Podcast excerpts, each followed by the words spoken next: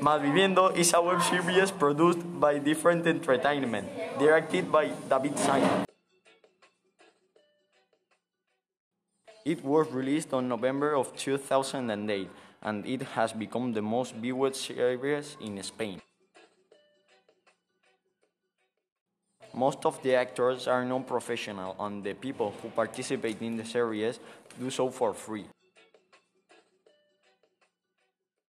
Series is setting in the fictitious neighborhood of Los Mandarilleros in the Andalusian city of Sevilla.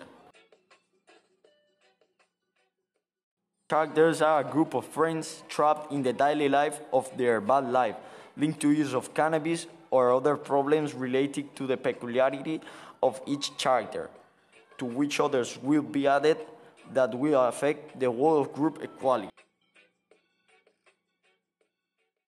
In each chapter, they parody the intros of hit series like Dexter, The Sopranos, Lost, The X-Files, Game of Thrones, South Park, among many others, as well as national programs such Callejeros by Cuatro or the 21 Days program starring Samanta Villar.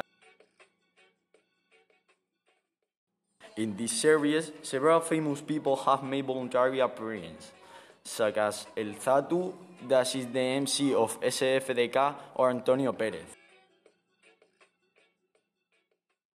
To the end of the series, if they made a chapter with more duration than an hour, and the SFDK made a song reviewing the season and episode of the series.